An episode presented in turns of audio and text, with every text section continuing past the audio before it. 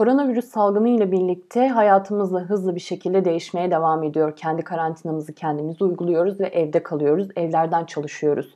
Peki bu karantina psikolojisi bizim hayatımızı nasıl etkileyecek? Bugün işte bu konuyu konuşacağız. Kiminle? Psikiyatrist Doktor Agah Aydın ile.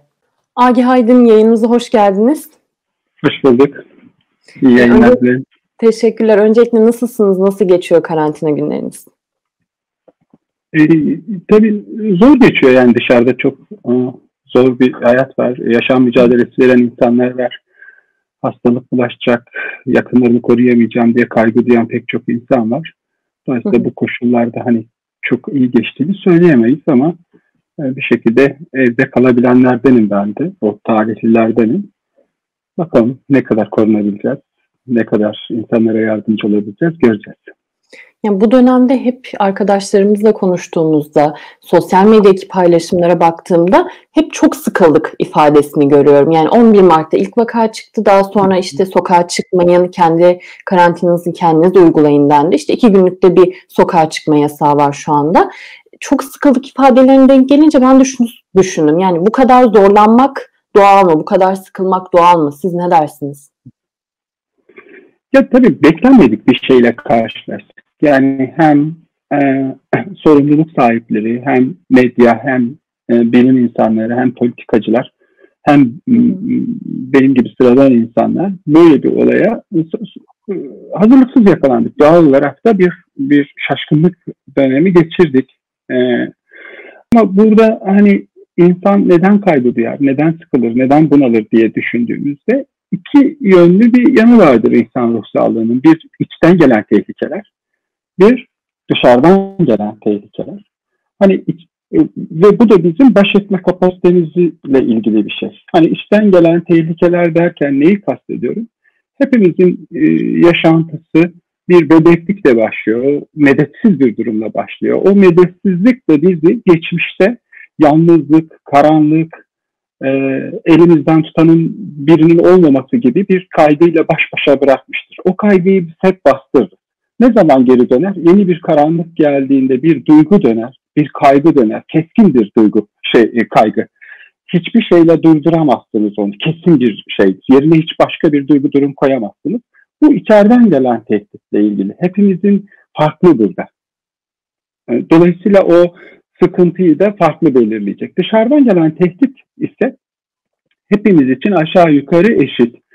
O başlangıçta söylediğim kısmı iç tehditle geçmişte nasıl mücadele etmişsek bugünkü baş etme kapasitemizi de o belirliyor. Yani geçmiş travmalarımız, geçmiş kaygılarımız, geçmiş acılarımız, geçmiş yalnızlıklarımız, geçmiş terk edilmişliklerimizle baş etme biçimimiz ne kadar olumsuzsa, ne kadar kırıksa, ne kadar kırıklık taşıyorsa bugün de o kadar zorlanabiliriz. Dolayısıyla hepimiz farklı etkileneceğiz bunda. Hepimiz farklı etkileniyoruz. Ama diğer taraftan hani insanın kendi kendisiyle kalamaması dediğim gibi dış tehdit çok yüksekse örneğin şu anda anasını kaybetmiş, abisi hastalanmış bir kadın ya da adamla henüz bu travmatik süreçten yakın çevresinde veya e, kendisi bundan etkilenmemişse e, insan bencil bir varlık maalesef. E, kendi yakınlarımıza, kendi çevremize çok dokunmadığı sürece olayın ciddiyetini çok kavrayamayabiliriz. Pek çoğumuz için de geçerlidir bu. Ee, ekonomik sıkıntılar yaşayan, yakınlarını kaybetmiş bir kişinin evde sıkıntı, bunaltı duymasıyla henüz bundan etkilenmemiş birinin duyduğu bunaltı, sıkıntı birbirinden farklı olacaktır doğal olarak. Ama bir insanın kendi başınayken, kendi kendineyken e, herhangi bir e, yoğun streste yaşamazken evde sıkılıp bunalıyorsa bununla ilgili kendisinin biraz düşünmesi gerekir. Hani çünkü kendi kendimizde sıkılıyorsak başkaları da bizimleyken ciddi ızdırap çekiyor olabilir. Bu kendi kendimizi e, yetiştirmek, kendi kendimizi e, geliştirmek için de yalnızlık iyi bir fırsat olabilir. Bu yalnızlığı daha uzatmak iyi olabilir. Tabii burada kendini geliştirmek derken şunu da kastetmiyorum. Hani gidip İngilizce öğrenelim, işte bir takım. Tabii bunlar da güzel, hobiler de güzel falan.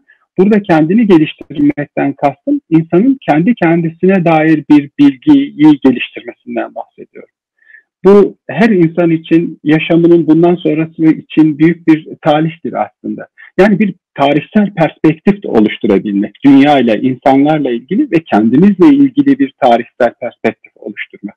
Nereden geliyoruz, nereye gidiyoruz, nasıl yaşadık, ne oldu gibi bu insanı e, gelen e, dışarıdan gelen şiddete, dışarıdan gelen kaygıya karşı da direncini arttırır, yaşamını da zenginleştirir. Peki yani bundan sonra yalnızlık algımız da değişecek diyebilir miyiz?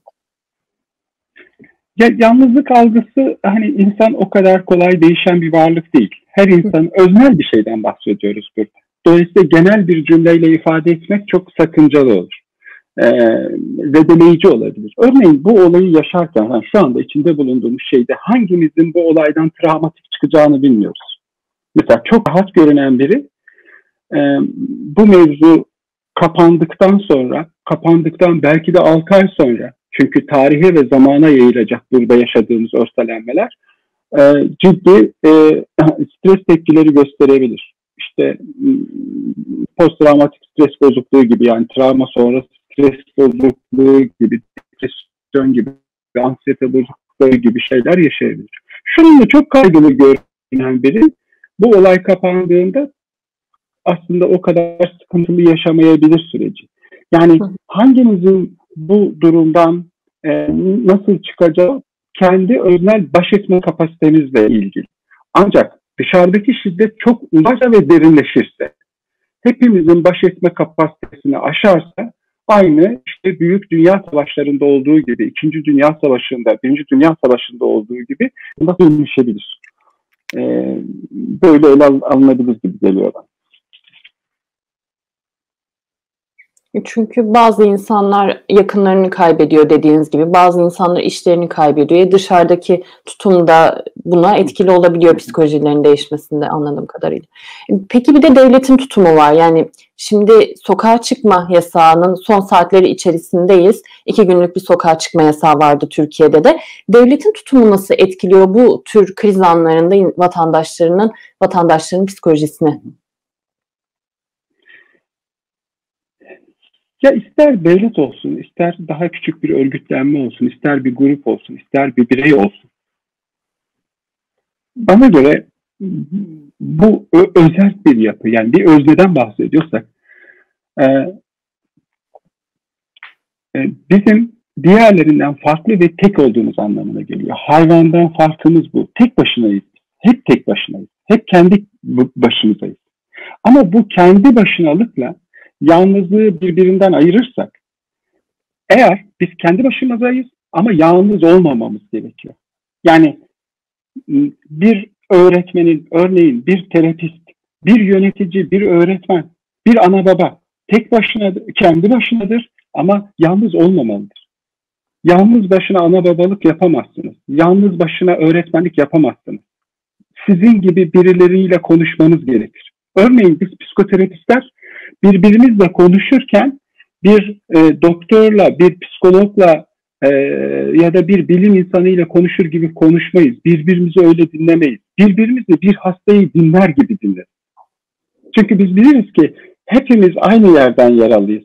Hepimiz hem kendi başımızdayız, o özneleşme sürecinin getirdiği sancı, hem de yalnız yapamayız. Ötekilerle bir arada olmamız gerekiyor her ne yandan olursak olalım, nereyi temsil ediyorsak olalım, hem dikey yani atalarımız, tarihsel süreç, bu bir devletse devletin geleneği vesaire hem de yatay, çağdaşlarımızla işbirliği ve konuşuyor halde olmamız gerekiyor. Tek başına ne devlet yönetebilirsiniz, ne okul yönetebilirsiniz, ne de psikoterapi yapabilirsiniz. Evet, mesela bir psikoterapist yetkiyi kendisinden alır, başkasından almaz. Ben psikoterapi yapabilir miyim, yapamaz mıyım? Biz bu yetkiyi kendimizden alırız bir bakıma. Ama bizimle aynı mesleği, aynı işi yapan insanlarla kurullar, dernekler, örgütler oluştururuz ve onlara bir şekilde bu çaresizliğimizi, medetsizliğimizi onlarla paylaşıp doğru işler yapmaya çalışırız. Kendi hastalığımızı da ötekilerde iyileştiririz. Burada e, bir e, etik ya da bir aman ne hoş olur birbirimizle dayanışalım bir araya gelelim filan gibi bir gerekçeyle söylemiyorum. Bu insan olmanın bir zorunluluğudur. Devleti de yönetiyorsanız okul ortak akıl oluşturmak zorundasınız. Kendinizi de yönetiyorsanız ortak akla başvurmak zorundasınız. Bilmiyorum sorunuza cevap verebildim mi? Ama e, yapıp edilenlerin doğru mu yanlış mı olduğunu elbette ki e, kısa ve o orta vadede göreceğiz. Ama görünen o ki çok fazla toplumdaki bütün kesimler hesaba katılmıyor. Çok fazla görüşleri alınmıyor. İnsanların konuşmaya ihtiyacı var. İnsanların bu sürece katkıya ihtiyacı var. Travmatik süreç nedir?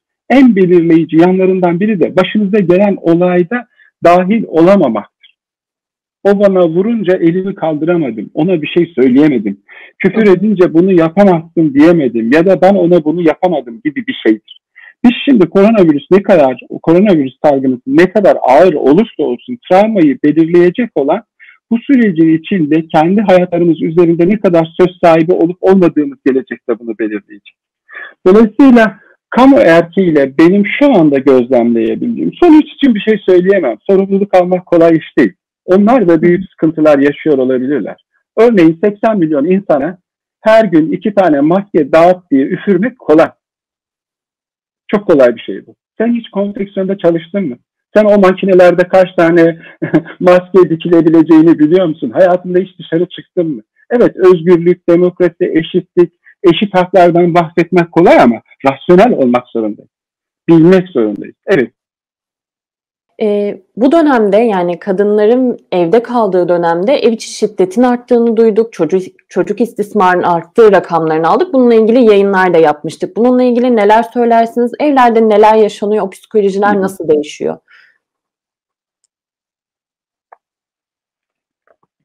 Ee, evet bu tür e, sıkıntılar artabilir çünkü insanlar çok fazla bir araya geldiler ve e, o bir, bir araya gelmede de işte o kendi başınalığın ötesinde yalnız kalmamaya ihtiyaç var, dayanışmaya ihtiyaç var, e, aile çevrelerle görüşmeye ihtiyaç var.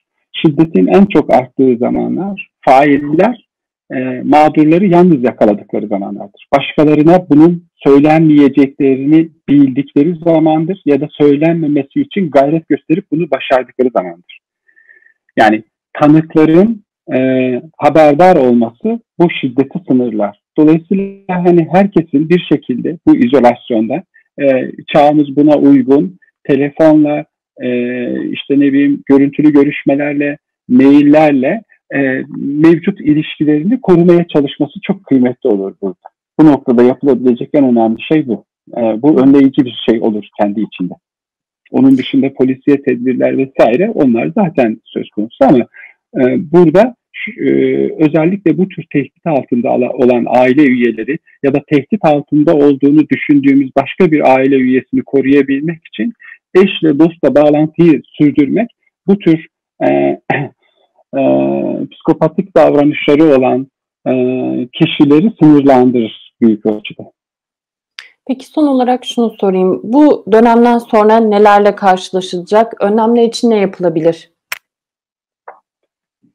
Yani bu burada karşılaşılabilecek en önemli şey virüsün bıraktığı can kayıplarının ötesinde ciddi sosyoekonomik sorunlar gelecek. Bu da toplumdaki suç oranını arttırabilir.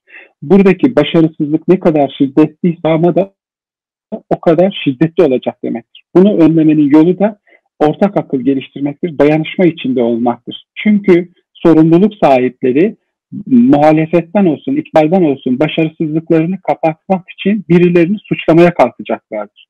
Bu da toplumu iyiler, kötüler, onlar biz diye bölmeye ve bir, bir nevi çatışmaya götürecektir. Konuyu unuttur, unutturmaya çalışacaklardır.